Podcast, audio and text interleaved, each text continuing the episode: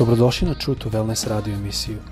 Da saznate više o nama, posjetite naš website truetowellness.com. A sad, vaš domaćin, dr. Todorović.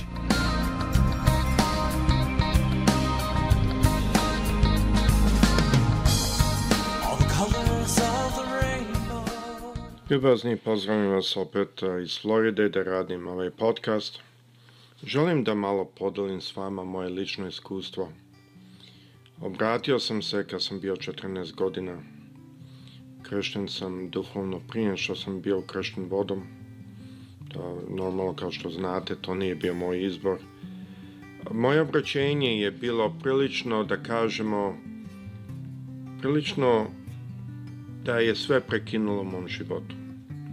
Svi je, sve prije toga, jedan put sam se obratio, smatrao sam za gubitak. Sve što sam mislio da sam dobar, ostavio sam. Ja sam teo da služim Bogu. Osetio sam tu želju da pratim njega. Kad sam čitao dela apostolska, kad sam čitao evanđelje, mogao sam osetiti, mogao sam videti tu sliku. Žudio sam da idem i da svedočim, da budem misionar. Žalo sam to i želao sam ići u biblijsku školu da to radim i počeo sam biblijsku školu, ali gospod je rekao ne. Sam onda otišao u biznis, učio sam biznis, počeo sam raditi. I posle toga sam otišao, radio sam magisterije i doktorat. I mogu vam reći da prije nego što sam to radio, pisao sam mog pastora i rekao sam Šta ti misliš? Da li da radim doktorat u teologiji ili da radim u svetskoj stvari?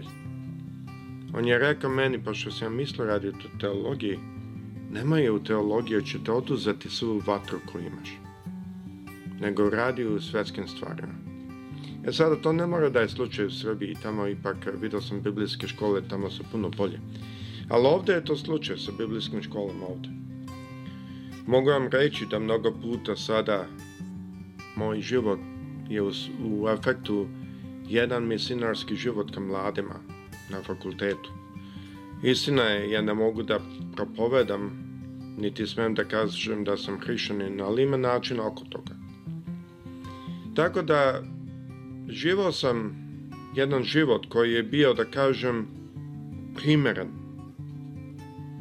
Tražio sam malo dobro u smislu hvala Bogu da me Bog sačuvao od ovoga i hvala Bogu da me Bog sačuvao od onoga i hvala Bogu da je ovo sve. Znate, sve sam tako govorio, a nisam svačao da sam u legalizmu celo vreme.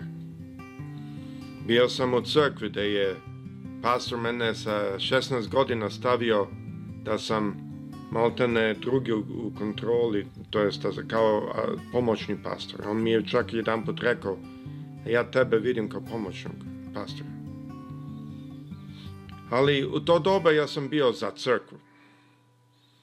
To doba sam bio u crkvi Božoj. Onda sam mislio, a crkva Božja ovo, crkva Božja ono, crkva Božja, crkva Božja. Nije to loša crkva. Ali ja nisam služio toko Bogu, koliko sam ja služio crkvi Bože. Ja sam bio revnostan, ali crkvi Bože. I gospod je dozvolio da se nešto desilo od jedan put, pogotovo što se pričalo o meni, naučio sam da ne, nije bitno da li je istina ili nije istina, bitno je samo da se nešto priča. Ljudi su počeli odmah da se povlače od mene i kako su se ljudi povlačili, ja sam bio tužan, ja sam se povukao i onda sam čuo glas koji mi je rekao, a e, sada si na pravom putu. Naime, shvatio sam da Bog ne želi da služim nijenu crkvu, nego njega, po reći njegovoj. I tako da sam tim putem krenuo, ali mogu vam reći, ljubazni, i dalje, i dalje sam ja merio sebe po svom životu. Pa na, na kraju vi znate da trebamo svi da živimo uljudno. I to treba. Trebamo svi da živimo pravilno. I to treba.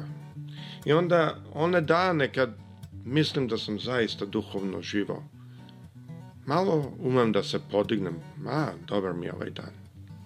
Zapazio sam, to su ti dani kada idem da propovedam, jer sam propovedao već u drugim crkvama, te mnogo puta tad propovedi nisu dobro išle.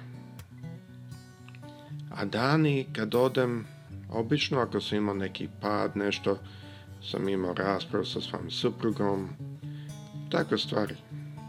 I onda idem propovedam, mislio sam nisam dostojan.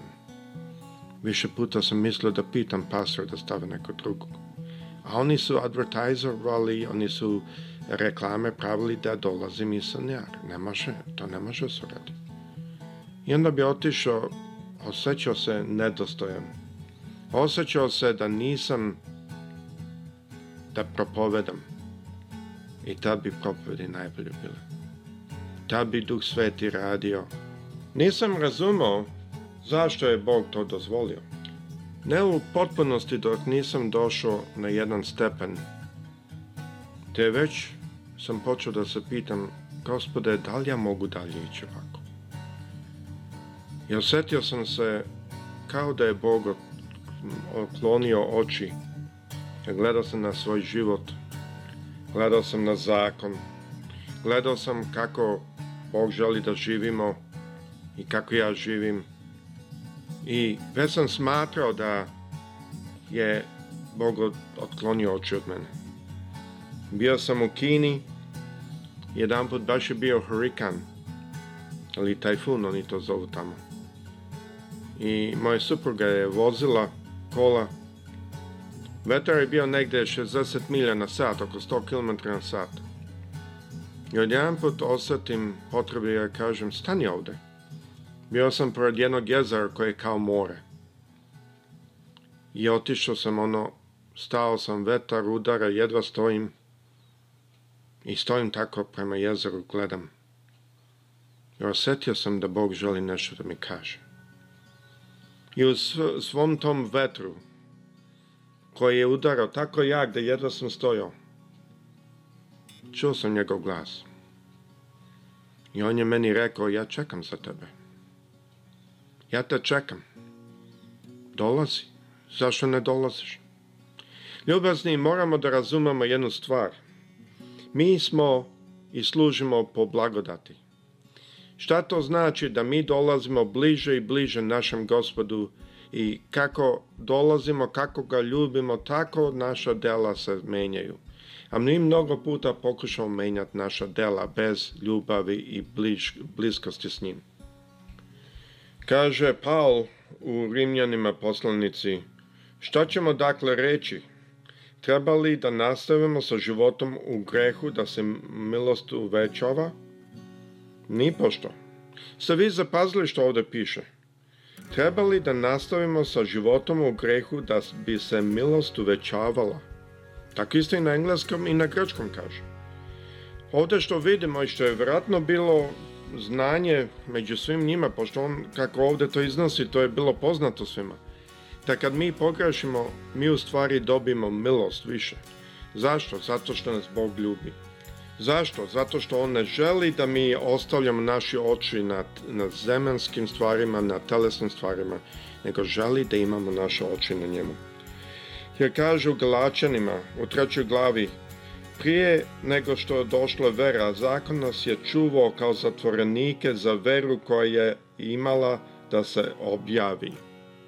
Ljubazni mnoge crkve danas stoje u tom zatvoru, Mnoge crkve danas, da, oni priznaju veru, oni priznaju blagodat, oni priznaju sve to, ali ne svaćaju potrebu toga i zašto je to Bog dao. Nego stoje u jednom a, propovedanju šta smemo i šta ne smemo raditi, umesto propovedanju Hristu i kako da dođemo bliže k njemu. Možda vi mislite, pa stani, pa ja sam sam propovedao, pa ja sam isto. Dok nisam naučio, dok me Gospod nije naučio ali gospod me naučio, ne. Nemoj propovedati o kako ljudi da gledaju što više oko sebe i kako da gledaju što više, kako da manje, što manje greše. Jer da ljudi to mogu, onda Hrist nije trebao da umre. Hrist je umro zato što mi to ne možemo. Umesto što mi trebamo propovedati, što mi trebamo govoriti je da ljudi gledaju na Hrista, na Golgotu, na krst. I ako gledaju na to i upoznaju Hrista i zavole Hrista, i ljubav ka Hristu, onda ti plodovi izlaze automatski iz, iz srca. Dokle god ljudi pokušavaju, ovo vam isto kažem iz eh, psihologije, to je već dokazano, dokle god ljudi pokušavaju da nešto promene sami, to ne radi. Ste vi zapazili, pogotovo vi koji ste oženjeni udati, a ste zapazili, ako vi pokušate nekog da promenite, a to ne radi. U psiholoziji znam, na primjer, ljudi koji koriste dijetu i pokušaju da idu na dijetu. Znate šta, ja neću sada jesti doručak svako jutro. Obično se desi da posle dobiju još više težine. Zato što je to u telesnost, telesnoj sili. Zato što to fokusira na nas. Zato što je tu sve o nama. Većinu crkva, barem ovdje u Americi, tako žive. Fokusiraju se da žive jedan dobar, umetni život. To je sve lepa. Šta bi sa jednim, jednim odnosom sa Hristom? Hrist želi da hodamo sa njim. On želi da mi imamo jedan odnos sa njim. On želi da se mi ne brinemo toliko o nama i našim slabostima.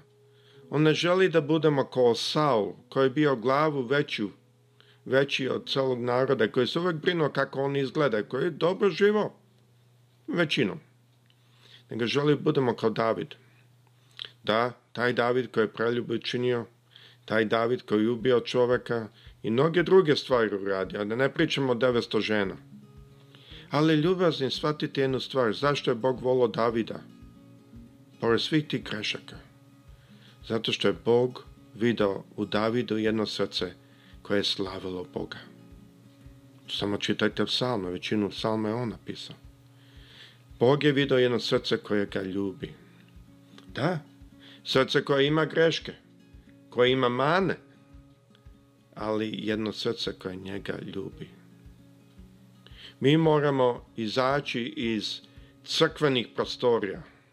Mi moramo izaći iz crkvenog razmišljanja. Na jedno razmišljanje da mi vidimo sebe kao Hristovi učenici i vidimo ovo polje oko nas kao misijsko polje.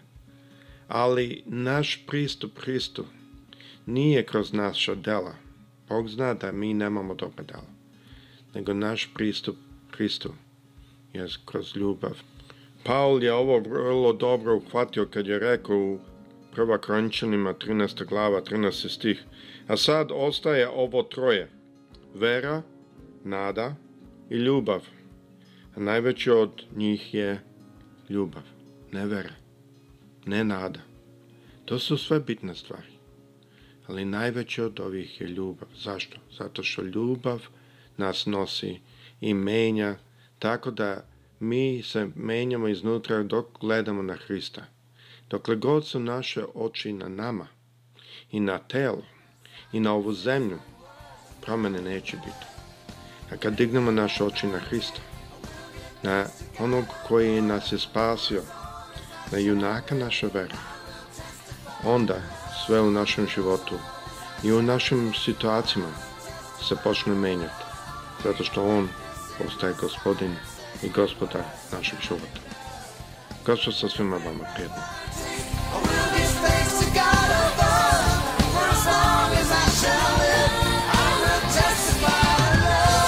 Slušate True to Wellness radio emisiju. Pridružite nam se ponovo svaki utorak, četvrtak i subotu. Za kontakt molimo posjetite naš website truetowellness.com. Naša e-mail adresa je info at truetowellness.com.